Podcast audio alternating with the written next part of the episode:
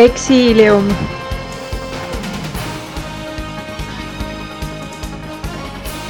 Exílio.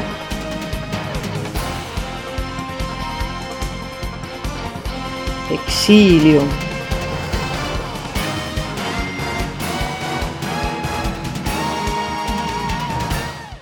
Exilium. Estonian Refugee Council's podcast Exilium. My name is Mother Madedum. Today, together with Eero Jansson and Erik Matenge, we are in Kenya. As you can probably hear a bit of the background noise, uh, we are in the local-ish uh, restaurant made uh, made for Muzungus, basically. uh, Eric, do you want to open what does this Muzungu mean? Because Eero and I hear it every single day when we are walking around. Uh, why this word and uh, what does it actually mean? So basically, Muzungu is, is, a, is, a, is a phrase that is coined to, to refer to any white person. So whenever you come to Kenya and someone refers to you as a Muzungu, that, uh, that is a clear indication that you're probably white, and that's why they call you that. And uh, we were having a joke with uh, Cairo, uh, with uh, with Eero earlier in the day that uh, we are actually in Cairo, which is in Kakuma. uh, the reason why uh, That's the name of the restaurant. that's the name of the restaurant, Cairo, which is uh, the capital city of Egypt, which is another African country. Yeah, but it's uh, it's quite it's quite an interesting place. Yeah, it hosts a lot of our international guests. Can you take us into the middle of the refugee camp? What do you see? What kind of smells do you smell? And what are the common sounds you could hear? Interesting. So basically, the refugee, uh, the refugee camp in Kakuma uh, is the biggest refugee camp in Africa. It hosts about 240,000 uh, inhabitants from different parts of mostly East Africa. We have people from the Congo, we have people from South Sudan, and uh, as far as Burundi and Rwanda.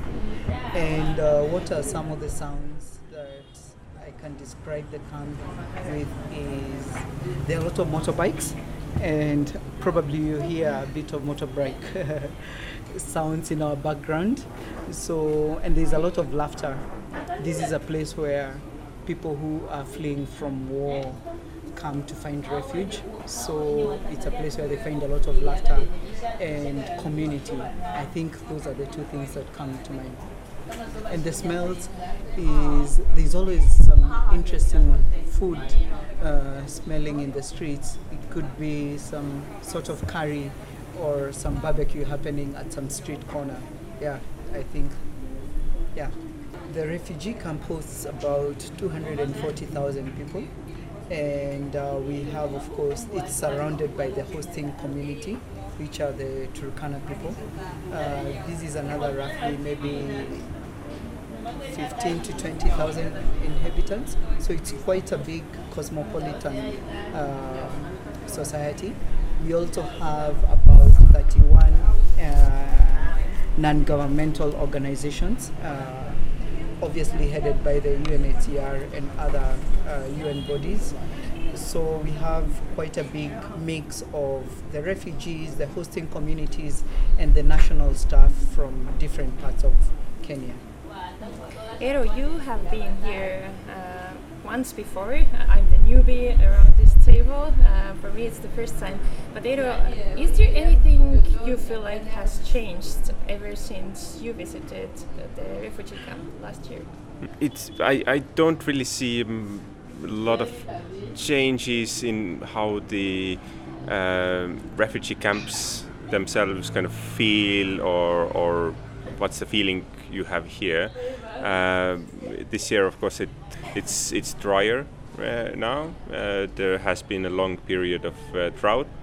In the northern part of Kenya, it doesn't rain quite a bit, so we get uh, rain every every maybe two three months. And the last time it rained, I believe, was about uh, two months back. Yeah, Mm. I'd say it was about two months back, and it wasn't heavy rain. It was just uh, a little bit of a little bit of rain. Yeah, Which kind of evaporates uh, definitely with the sun. the right sun- after it yeah, comes. Yeah. The, the sun here is pretty hot. Sometimes it gets up to 45 degrees. So Mm. uh, a little bit of rain. Uh, if you came Yeah. after five hours, you wouldn't even tell that it has rained Mm. at all. It gets pretty dry quite Mm, fast. mm. Yeah. And it's um, you know the feeling here every time you come is it's it's quite dusty uh, because of the the heat and uh, the dryness. Um, so you, you can have dust everywhere, and that's a bit one of the, the things maybe people who would come here from outside can feel a lot. Besides the dryness and heat, of course, it's right now it's some 30, 30 plus uh, degrees here, so it's uh, very different from back home in Estonia. Yeah, and uh, also it's very windy today. But uh, we we touched upon the, the size of the, the population here, 240,000 plus minus, because every day people are actually arriving and leaving pretty much. Uh, but uh, maybe Eric, you can give a bit of uh, um, you know comparison the on the extent of the the, the size the on on the ground uh, of the refugee camps because this is actually not one camp it's actually multiple camps here Yeah, you're right, Eero. Uh, the refugee camp is basically subdivided into into various zones. We have Kakuma One, which is uh, the oldest camp technically, and it goes up to Kakuma Four. So we have Kakuma One, Two, Three, and Four, and this spans uh, around. It's almost like 50 kilometers wide. It, uh, I don't have the exact data, but it could be that that, that long. And uh, we have the Kalobeyei resettlement, which is about 20 kilometers from the Kakuma refugee camp. And uh, this is also quite expansive. Um, why Kalobeyei was set up is this is where a lot of the refugees that want to remain in Kenya are integrated to to live with the hosting community, and uh, and yes, as Eero said, we have quite an influx uh, right now, especially because of the effects of drought around East Africa. We have a lot of new entrants coming in from, for example, the South Sudan, just to, to, to run away from, from, from, from hunger and from the and from the dry climate. Uh, yeah, I think that's what I would say about that. Once they have arrived to the camp, um, sometimes they have walked for a few days already, uh, barefoot. It really depends on the case. What happens next? They arrive to the reception center of the refugee camp, and then how how do they settle them in? Uh, what is the procedure for the newcomer people? So basically, as Madla said, yeah, the, the refugees arrive mostly on foot into the Kenyan borders from the different borders that uh, are bordering Turkana.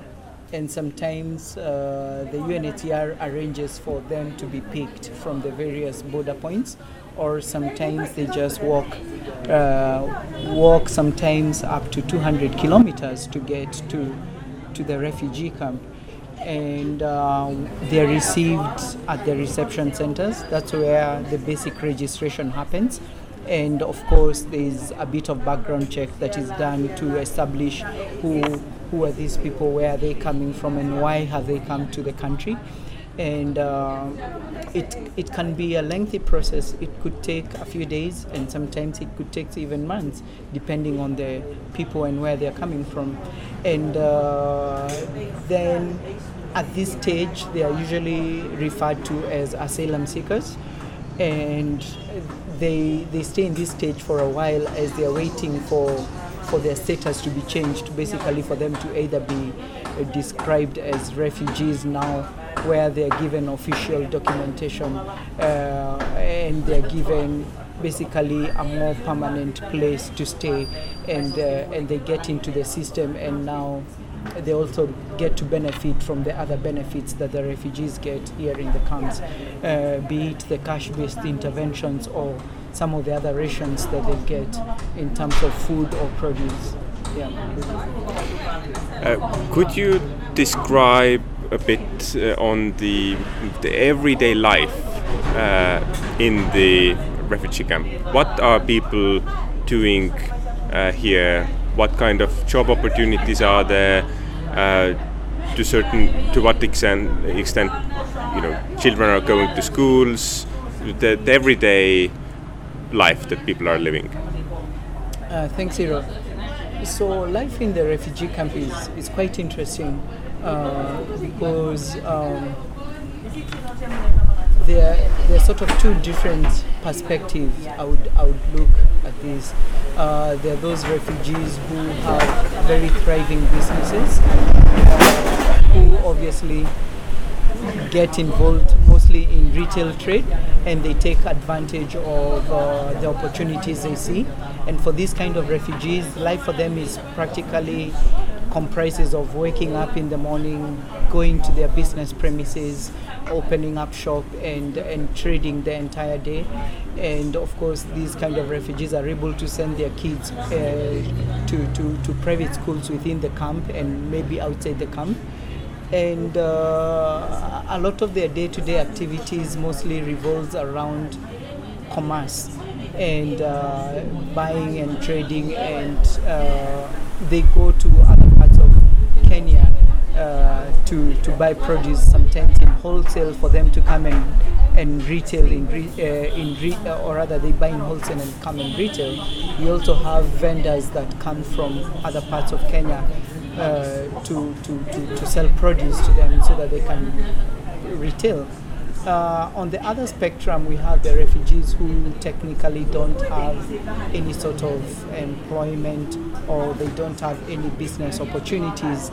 And for them, it's usually a long wait and see kind of a situation. Uh, they wake up, sometimes go to the community, uh, they fetch maybe they fetch water, and they, they get to interact with their neighbors and get involved in activities, maybe be it cleaning the community or getting involved in various um, aspects or various social events that happen in the community. But uh, in a nutshell, uh, they wouldn't be very busy as you would find people in other parts of the country where people wake up and get very productive.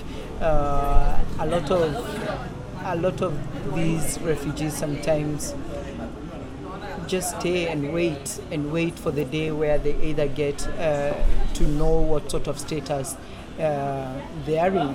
Either have they been grant- granted asylum, have they become refugees, or do they have other areas of the country or other other parts of the world that they can be relocated to. And uh, while they are waiting, there are some who take up jobs, especially with the local institutions, the local NGOs. They take up jobs sometimes as incentive workers, sometimes as translators, uh, and, and doing other odd jobs, be it cleaning or any other job that they are able to find so that they can be able to especially supplement their income, which is not enough in most of the cases. Yeah. And uh, people also here receive assistance from uh, humanitarian uh, organizations like WFP, UNHCR. So, what kind of assistance do they regularly receive? So, the kind of uh, help people get from these international NGOs, especially the World Food Program WFP, is they give rations in terms of food. They give you physical food depending on the family size, and also there are cash cash-based interventions that is loaded into a, a debit card, which you can go to the shop and pick up some of the items that are not uh, given out. Uh, when they are giving out the rations, uh, we also have organizations that give all sorts of all other sorts of equipment. It could be, especially for the girls, maybe and the women. We have organizations that give the sanitary pads. Uh, we have institutions that donate books, that, that donate sometimes even extra food, uh, because sometimes, depending on the family size, the ration that the refugees get from the WFP is not enough. Yeah, so we have different players within the within the camps doing all sorts of interventions and giving uh, all sorts of um, giving all sorts of items. And uh, for example uh, the relationship we have with the Estonian Refugee Council is we have we have funded and we have given some entrepreneurs uh, something I want to refer to as a startup kit.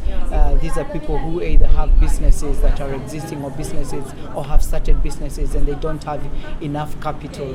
And we, we, we give them sort of grants in terms of a startup kit. And this is, uh, this is a model that is widely used here in the refugee camp, mostly to to to support the refugees and to promote self-sustenance in terms of entrepreneurship activities. Before we go more deep into this entrepreneurship program, because we also visited many uh, businesses we have supported here um, a couple of days ago, let's listen to some music. Eric uh, has been kind enough to uh, to look for a few songs to play to, in today's podcast. And uh, I know you wrote down a few. Could you pick the first song of this podcast and tell us why did you pick the song and why is it special for you or is it linked anyhow to your organization? Well, uh, I'm a big music lover, and uh, I, party, uh, I I love African music. There's, there's all this African pop, African vibe that is really really jamming right now, and particularly there's this song called Inama. It's by a musician called Diamond Platnumz, featuring Fally Ipupa. Diamond Platinum is from Tanzania, which is a neighboring country to Kenya. Uh, and the featuring uh, the other featuring artist is from the DRC Congo. So it's a blend of cultures. It's a it's it's such a vibe, and uh, for me, it's my feel good kind of a song. When I'm in low spirits or when I'm feeling a bit uh, tired, I put on this jam, and uh, it lifts my spirit. So I do hope that you you enjoy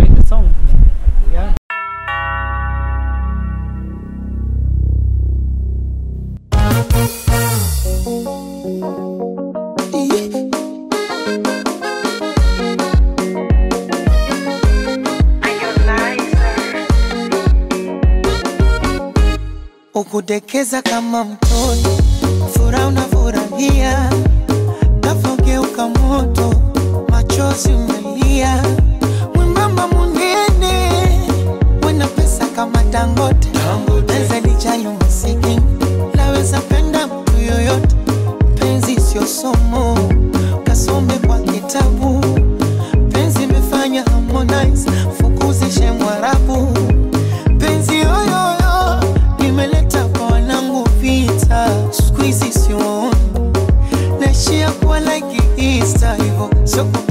chana naye nekupenda pendana naye mambo sesi ayo baadaye emucheza ufurahi. Kama songi limekolea azalama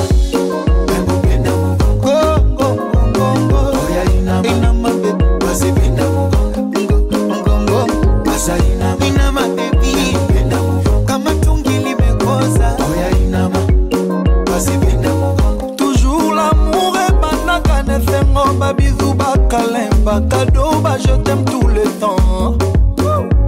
Maweleka wapi bebe nanga za présente. Susi eleka wapi sheri nanga zalie ntango nyonso olobelaka nga je tem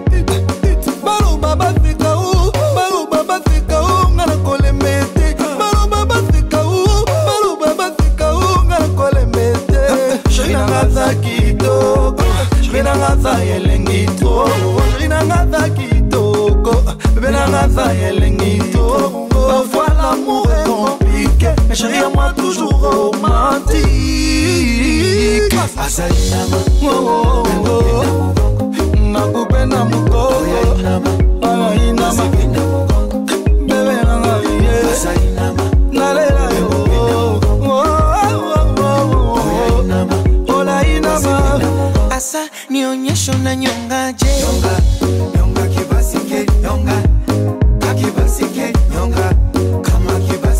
akiuno kifanye pedeli nakupenda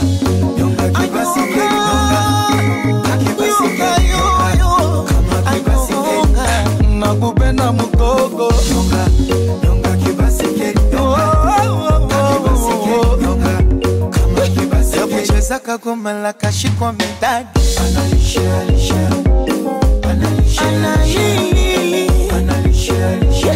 Baby aza kitonga kachanga nyala nyagi, analisha lisha, yuko nina shila lina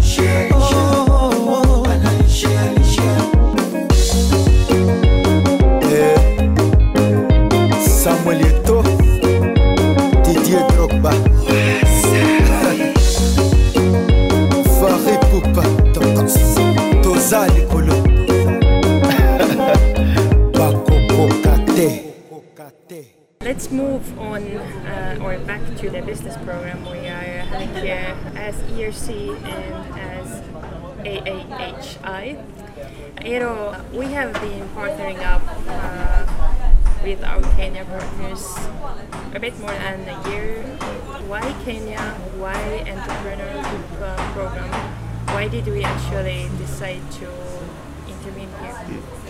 Well, the first reason being uh, that our entrepreneurship program, which we have carried out in, in quite a number of countries, uh, starting from Ukraine, uh, but then uh, going also to Jordan, to Georgia, and currently actually this week also running in Estonia, to Ukrainian refugees uh, in Estonia.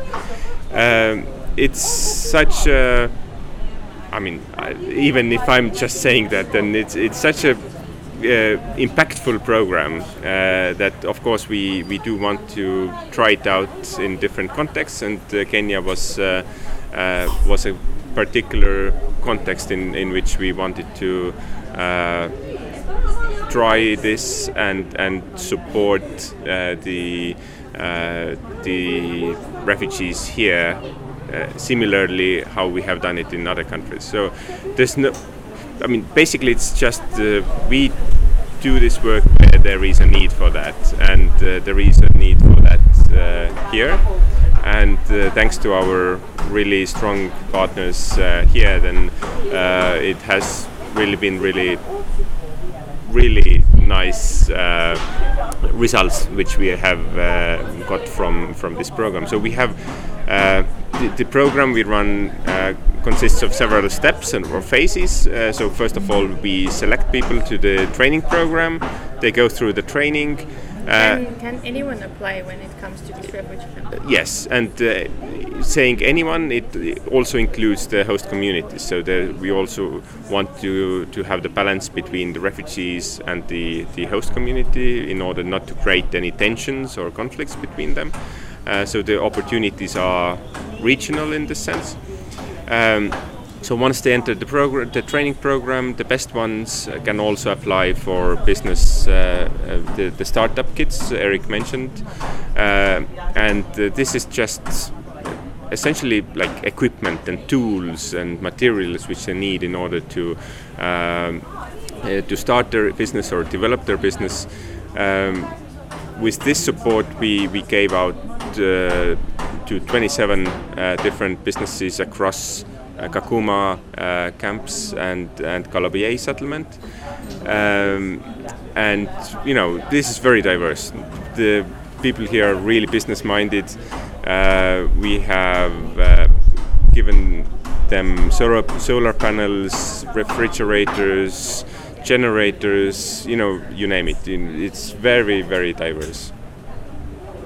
Eric, what do you think of this concept that there is um some Estonians coming into Kenya? you probably didn't even know where Estonia were before. Maybe you did, but most of the people have never ever heard of Estonia. and then they come and tell you, hey, let's let's do this entrepreneurship program here uh, in the camp. So basically, we've had, as Action Africa, we've had presence in Kakuma and Turkana for since 2017. So, and we have mostly been working in livelihoods uh, with various organizations. So it was a great privilege to be selected by ERC to become their local partners and to implement some some of these programs that we have been implementing. And uh, given our our expertise in working with communities and uh, implementing projects in areas that are very volatile and vulnerable, uh, working with vulnerable communities and, and, and a lot of urban poor. Uh, it, was, it was a great fit for us, and um, I think I would, I would say it was like a marriage made in heaven. Uh, because it was it was touching what is very important to us, working with communities directly and impacting their lives, and not so much from sort of providing aid, but by enabling them to fend for themselves through these startup kits, for example, that we have talked about. Uh, when the entrepreneurs have these sort of startup kits, they're able to start their businesses and they can grow their businesses and be able to actually create jobs for themselves and for others. And uh, this becomes a long term uh, sort of strategy in us uh, playing our role in uh, de- uh, in ending poverty in some of these areas. And also, a lot of these refugees are very vulnerable. And as I mentioned earlier, the rations and the support that they get from the various organizations is not enough. So that's why this is very important for us, and that's when ERC came calling in, we were very happy to partner on this project because we saw it for the kind of potential that it can that it has and we saw it as an opportunity where a lot of lives can be impacted. And as Eero said yes we have worked with 27 businesses directly. However we have trained over 100 businesses in basic uh, business we've given business development support in various aspects of uh, business development and business management. So it's been a very impactful project and uh, yeah it's it's great and uh, just for the record, I did know where Estonia was. yeah, but yeah, in all honesty, when I talk uh, to other partners locally and tell them that we are working with the Estonian Refugee Council, uh, I see them scratching their head trying to figure out Estonia, is that a country or is that a village somewhere in Europe? It is the size of a village, kind of. Well, in comparison, yeah. Great. Yeah, I think that's But which uh, you you know all of the 27? Which one uh, would you, if you would need to pick one, uh, which one would you highlight as a kind of as an interesting one or particular one which you like for whatever reason? I think there is one gentleman who does uh, detergents, and this guy is very determined. Uh, he's from the DRC. He came here running away from the war in DRC, and he started a business for himself. He makes detergent and soap for cleaning, and he's very, very aggressive. I remember during the training, he was very keen to know uh, what sort of interventions and what sort of budgets we had because he wanted to make sure that he doesn't miss out on any opportunity. He wanted to maximize his business plan to make sure that he asks for the maximum amount he can be able to leverage out of us. And I remember that was the biggest that was the biggest conversation I always had with this particular business person, and he nagged me and, and my staff in a good way for quite a while, trying to understand what is the ticket size, what sort of grant items is he able to get, and when he when we were reviewing his business proposal, oh my God, did he write? He had a very long list. Unfortunately, due to some budget constraints, we couldn't give him everything that he needed, but whatever equipment that we gave him was very wa- was very helpful. Uh, we gave him a bar soap making machine that helped him scale his bar soap, uh, his bar, bar soap business, and now he's able to sell a lot of the bar soap to to the local community. He's able to brand it and package it, and it's quite some interesting business. And this is one of the businesses I honestly see. Uh, that can actually even scale out of Kakuma because it, it has that scalability aspect. Uh, and uh, this is a business we just visited two days ago as well, and uh, really, really nice, strong uh, business plan there, and uh, good products that they're selling. And I think this is one example uh, of many of these businesses where you can really see this. Uh,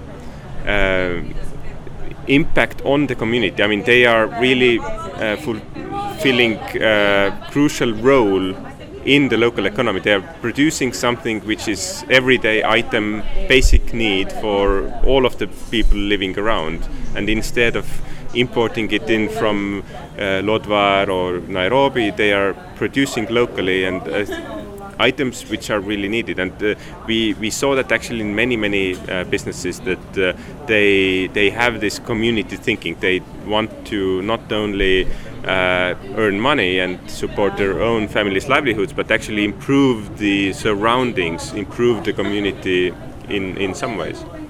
Can you come up with your next song for this podcast? So great. Um, the next song is uh, is by a local Kenyan band. The band is called Sauti Sol.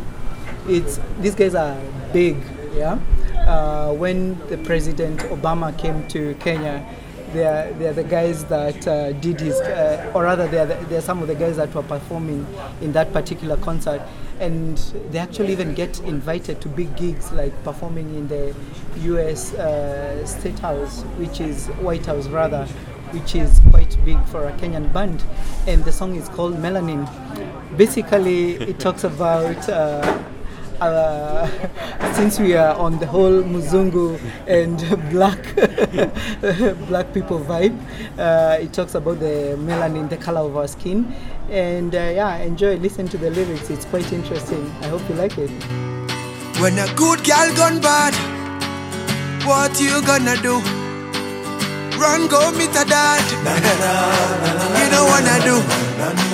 Well, this is Southeast Hall. But the ranking what best, yo. Watch this. Love confession. Why She's is a heartbreaker. She bend over backbreaker. Steaming hot water vapor. I wanna date her. She's a heartbreaker. She bend over backbreaker. Steaming hot water vapor. Why I? I wanna date. So tell me why you do me so. So tell me why you do me so. Baby, me not gonna let you go. Girl, me gonna let you go. So tell me why you do me so. Tell me why you do me so. Girl, me gonna let you go. Tell me gonna let you go. Me spend all me money, spend all me cash. Call you me honey, but you threw me pon trash. And you think say me gon' leave you like that? No way. Why you do me like that, yeah? Girl, I'm waiting on you. Even if them hating on you. But me never send them. Whoa. In my life, I've never seen melanin so dark. You're a queen of the dance floor. Night socialite when I rubbish scene, baby. Would you put me in your diary? In my life, I've never seen melanin so dark. You're a queen of the dance floor. Night socialite when I rubbish scene, baby. Would you put me in your diary? She's a heartbreaker. She bend over backbreaker. Steaming hot water vapor. I wanna date her. She's a heartbreaker. She bend over backbreaker. Steaming hot water vapor. Why I? I wanna date her. So tell me why you do me so. So tell me why you do me so. Baby, me not gonna let you go. Girl, me not gonna let you go. So tell me why you do me so. Tell me why you do me so. Charlie, me not gonna let you go. Tell me not gonna let you go. I think I saw you in a magazine or maybe on TV. Lakini up close when you queen, you're a queen. And if you know me well, you know I don't kiss and tell. But I want you to myself, baby. In my life, yo, me never seen melanin so dark. You're the queen of the dance floor. Oh, Night session light on the legacy, baby. Won't you put me in your diary? In my life, yo, me never seen melody soda. You're the queen of the dance floor nights Say shall light on the legacy, baby. Put you put me in your diary. She's a hot break. Oh, yeah. She bend over back break. Steaming hot water vein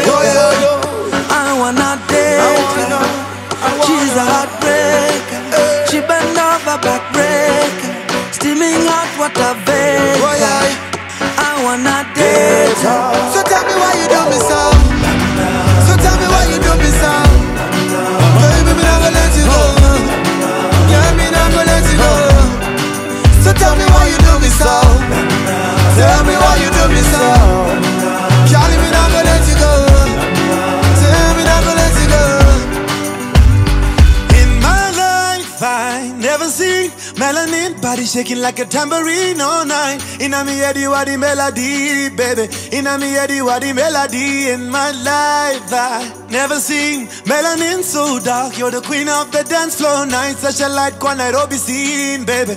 Won't you put me in your diary? Heartbreaker, she bend over backbreaker, steaming hot water vapor. Date ya, yeah. She's a heartbreaker. She bend over backbreaker. Steaming hot water vapor. I wanna date ya. Yeah, yeah, yeah, yeah. Welcome back. You know, uh, today actually where we both got super sunburned because we went to the to the field. um, and I know you were quite impressed uh, by what you were saying. Uh, so, what is this project about? Uh, yes, we visited the fields a year ago uh, as well, but um, um, it's you know, while you, you look around in, in Kakuma, it's all very quite dry, and and uh, many of the trees uh, have uh, lost their leaves because of the dryness.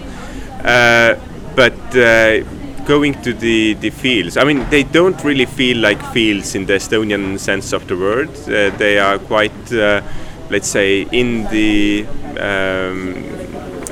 in the landscape, or they they they, are, they look quite different uh, from from what we know. Um, but uh, what we are uh, supporting uh, the uh, neighborhood here with is uh, um, actually water, and this is the the lifeline. For anything, for both livestock as well as agriculture, growing crops, you, you need water as Eric was before saying, it hasn't rained for a number of months. It's all very dry, and uh, what we have uh, uh, done here then is to uh, dig uh, shallow wells and uh, and provide the cooperatives who the, the one cooperative who, who runs the the agricultural part here with pumps to to pump water out from these shallow wells in order to, to grow crops and then sell them uh, on the local markets. So again, we don't need to uh, import food from uh, long distances away, but rather grow locally and, and uh, support uh, people who live here uh, through that. So it's uh, actually quite. Uh, um, it's like six to seven and a half meter uh, wells which have been dug and uh, These wells have been very, very important in terms of uh, providing much needed water. As, as you've heard, it hasn't rained for a while and it doesn't rain quite a bit in Turkana. So, what happens is the water levels keep dropping, and uh, the locals have found local solutions to solve their local problems. And one of the ways they do that is by digging hand dug wells that are about seven to seven and a half up to eight meters. That's where you are able to get water. And for you to be able to use this water for irrigating the farms, you have to use a, a generator, for example, to pump the water out of the out of the wells for them to be able to feed the farms. And um, as Eero saying, we don't have now to import food. To just give you perspective, in the past, before these farms were active and uh, we used to get uh, green leafy vegetables which is a staple food for most people not just within the refugee camp but also with the hosting community we used to get a lot of our leafy vegetables from about 300 kilometers a town called kitale which is 300 kilometers away and now with these simple interventions we are able to grow almost 70% of our leafy vegetables in, in this particular farm. Uh, the farm is called Choro Farm and the farm is led by a cooperative society. This is a group of uh, refugee and host communities that have come together and formed a group, and uh, they're doing some great and amazing thing. Uh, right today in the morning, we went to the farm and we saw a lot of women buying produce from the farm to go and resell it uh, to, to, to vendors in the marketplace. And as much as this has has really brought a sort of vibrancy to the to the farm. It's also very important for the food security for the, both the refugees and the hosting community. So it's it's really really great work that we are doing, and of course we couldn't have done it without the help of our partners, the Estonian Refugee Council, and uh, yeah, we were having conversations around how do we how do we scale these projects even further? How do we make sure that we have uh, sustainability in terms of water, in terms of food production, in terms of food securities? Yeah, so it's been an interesting day and it's an interesting conversation. Uh, what are actually the, the main crops which are grown uh, in these fields? So most of these, the crops that are grown in this field, uh, there is some crops called. There is one. It's a local. Mostly they are like local herbs. One is called murere. There's uh, obviously okra, uh, and they also grow. We are growing uh, groundnuts as well in this particular farm. We call. We, we, also grow uh, fruit trees in this particular area, and uh, there is some sort of kales and cabbages. Uh, so it's a lot of very green leafy vegetables that are very very important for nutritional value. Yeah. And uh, yeah, Eero told us this morning that he, he loves okra. So yeah, we, we are thinking of setting up aside some area where we can grow some special okra to be maybe shipping to Estonia in future. You never know. I know you have still two songs, we can only play one, so make your choice. Uh, which one should we mm, play This is-? This is such a tough call, but there's this gentleman. He's from Nigeria. Uh, they have some of the best bangers in Africa. He's called uh, Adekunle Gold, and he has a song called Okay Okay. Uh, it's a very very interesting rhymey song. Uh, just have a listen at it, and I hope you dance along.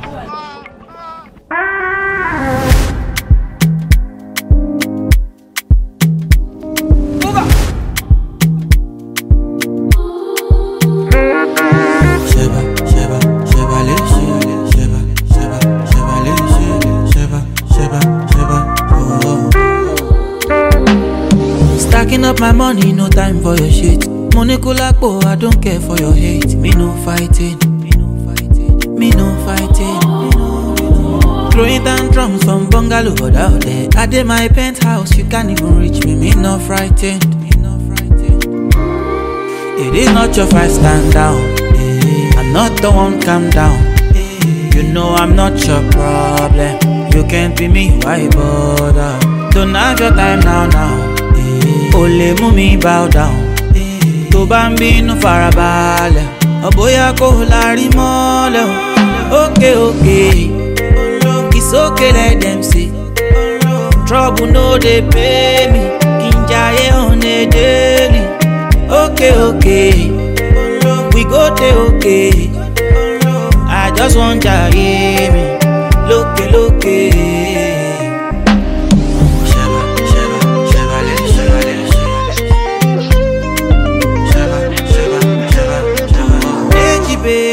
your daddy.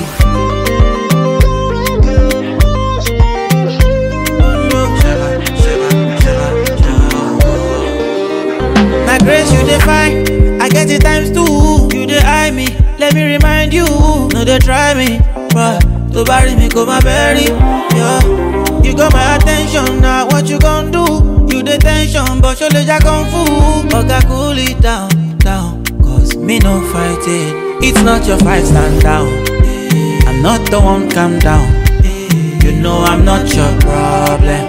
You can't be me, why bother? Don't have your time now, now. Ole mú bow down. Tó bá ń bínú farabalẹ̀, ọ̀bọ̀yà kò lárí mọ́lẹ̀. Ókè it's okay let them say. Trouble no dey pay me, kí n on a daily. Ókè òkè, we go dey okay. I just want jaye mi lókè lókè. Ṣẹ̀bà,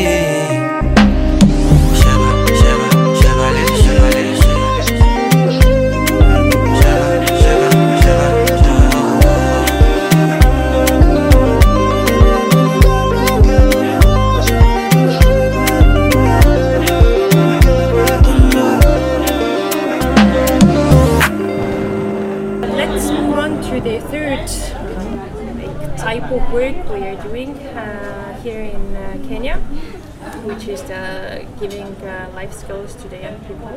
Uh, once again, Eero, uh, please guide us into this topic and what does it actually mean to uh, to hold the life skill training?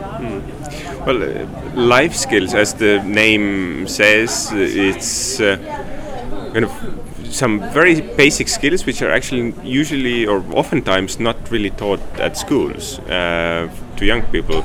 Um, so that's why these uh, trainings on self-awareness, on uh, you know, we also covered due to the COVID times uh, this basic hygiene um, uh, topics, uh, also um, gender-based violence, uh, HIV and AIDS, which of course is a important topic here. Uh, so different um, kind of yeah, life skills, like the skills which you, you need in order to survive anywhere, um, uh, which are then uh, provided to, to young people to uh, be successful. There are also leadership aspects which are taught uh, uh, how to be a good person. Uh, and on top of that, we also have the digital skills uh, trainings, uh, digital literacy trainings, both here in Kakuma and Kalobeyei, as well as in uh, in a slum called Kawangware in Nairobi. So there's an aspect of this work also in the capital, uh, which then gives people this uh, basic digital skills as well in order to to live in this very IT-centric world.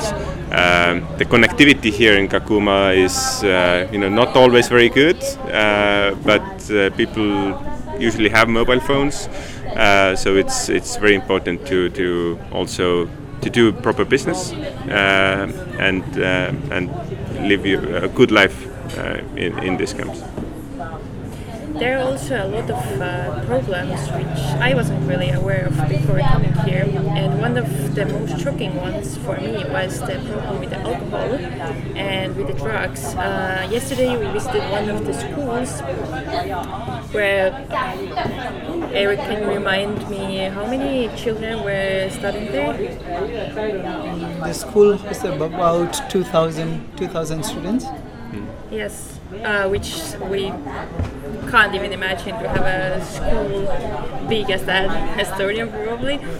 And uh, it's very hard to keep a record on who is coming to the classes. They just register to the school. Many of them are very, very motivated. They uh, go through all of the lessons needed, but many of them just stay at home uh, for several reasons.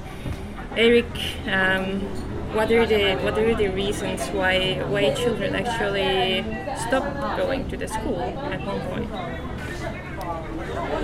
So basically, being in a refugee setting is, is quite challenging, as you can imagine. These are people who come from different walks of life, they come from very different backgrounds. So there's also a lot of trauma, of course, and especially if they're kids. And some of these kids have maybe lost their parents, both their parents, and they don't have any other form of family. And so they've gone through a lot of trauma. And also in these particular schools you could find there are cases where there is a lot of bullying. And these of course will deter kids from coming to school. Or they don't see the need of necessarily going to school because uh, opportunities are, are very limited. So there are very uh, there are very many aspects that keep these kids from coming to school. And also sometimes it's basically lack of a sport because as we were talking uh, with the with the head of this particular school uh, they have various challenges and uh, the ratio for one teacher to a child was about 150, meaning one teacher is is taking care of 150 kids in a in a class, which is quite quite quite challenging. And uh, there are kids, for example, who come from different parts of Africa that they don't speak English or Swahili, which is a local language, and so these kids will obviously feel left out, and they will come to school and maybe they cannot be able even to have basic communication, and. Uh, so I see these are some of the reasons why obviously kids might not want to go to school, and uh, yeah, that coupled up with a lot of other systemic issues within the camp and outside the camp, uh, yeah, leaves a lot of uh, a lot of kids getting lost through the cracks, and also there is a whole drug abuse. Uh, we were walking in the streets yesterday in a particular uh, area in the camp, and it was hardly one o'clock, and uh, there were so many young men uh, who are hardly uh, 20 lying around in the streets or very high in the in the middle of the day, and this just goes to show you the kind of um, the kind of um, dire I, I don't even have the right word to describe it, but it's really, really, really sad. And people are going through very, very tough times. And that's why the work we do is very important, teaching these, these sort of skills that are not taught in schools and just taking time to cover topics that are very relevant to the day-to-day living is, is quite a good value add to, to the community and uh, for this particular life school life skill content we don't just issue we just don't deliver it in schools. We also go to the communities both in the refugee communities and in the host community. And uh, we gather in, in, in groups uh, mostly targeting between 13 to around 18 years kids and just give them this very vital information so that uh, they have at least some basics uh, and uh, they're able to, to face life with some of these basic skills that uh, our, our very able teachers uh, dispense to them. What thoughts go through your mind, or how do you feel uh, emotion wise when you wake up in the mornings and you prepare yourself to go to work? I think as I walk through the camps, I have two sorts of emotions. One is it breaks my heart to see the level of poverty and to see the level of pain that uh, some of the instabilities in various countries has on their on their citizens. And on the other hand i see a lot of hope in the sense that for some of these refugees being alive alone is, is quite is, is quite something. And them having a second chance here in Kenya and or other areas of the world that they get transferred to. Uh, those are the emotions that come. So I get sad, but also I ask myself, I keep asking myself, what can I do? What can I do as Eric? What can I do as a project coordinator for Action Africa Help International? What sort of value can I bring to these communities? And uh, what role can I play? There's a famous uh, saying that says you need to be the, the change you need to see. That's one of the challenge I need to, I keep uh, telling myself every day. Uh, I need to be the change that I need to see in this Kakuma. And for me, having a very big passion for enterprise and uh, poverty eradication, I'm always scouting for ideas on how can we eradicate this poverty by empowering these entrepreneurs to to create jobs for their fellow uh, siblings, neighbors. Uh, yeah, those are some of the thoughts that really go through my mind on a daily. What do you think? What is one of the most uh, impactful and empowering thing? What the people in here living in the, in the camp could teach the rest of the world? I think resilience. Resilience is what comes to mind because These are people who have gone through so very many difficult situations and yet they don't give up. They keep waking up every day, uh, hustling, grinding, looking for opportunities for them to be able to feed their families or feed themselves and always in search for opportunities and always wanting to know that uh, tomorrow is going to be a better day. I have a lot of very close refugee friends who live in these camps, and some have lived here for up to 15 years. And I really admire the resilience I see in them because I personally don't know if I would have survived uh, in a refugee camp for 15 years with such kind of positive attitude that sometimes I do see. So yeah, that's that's what I would say about that. That's it.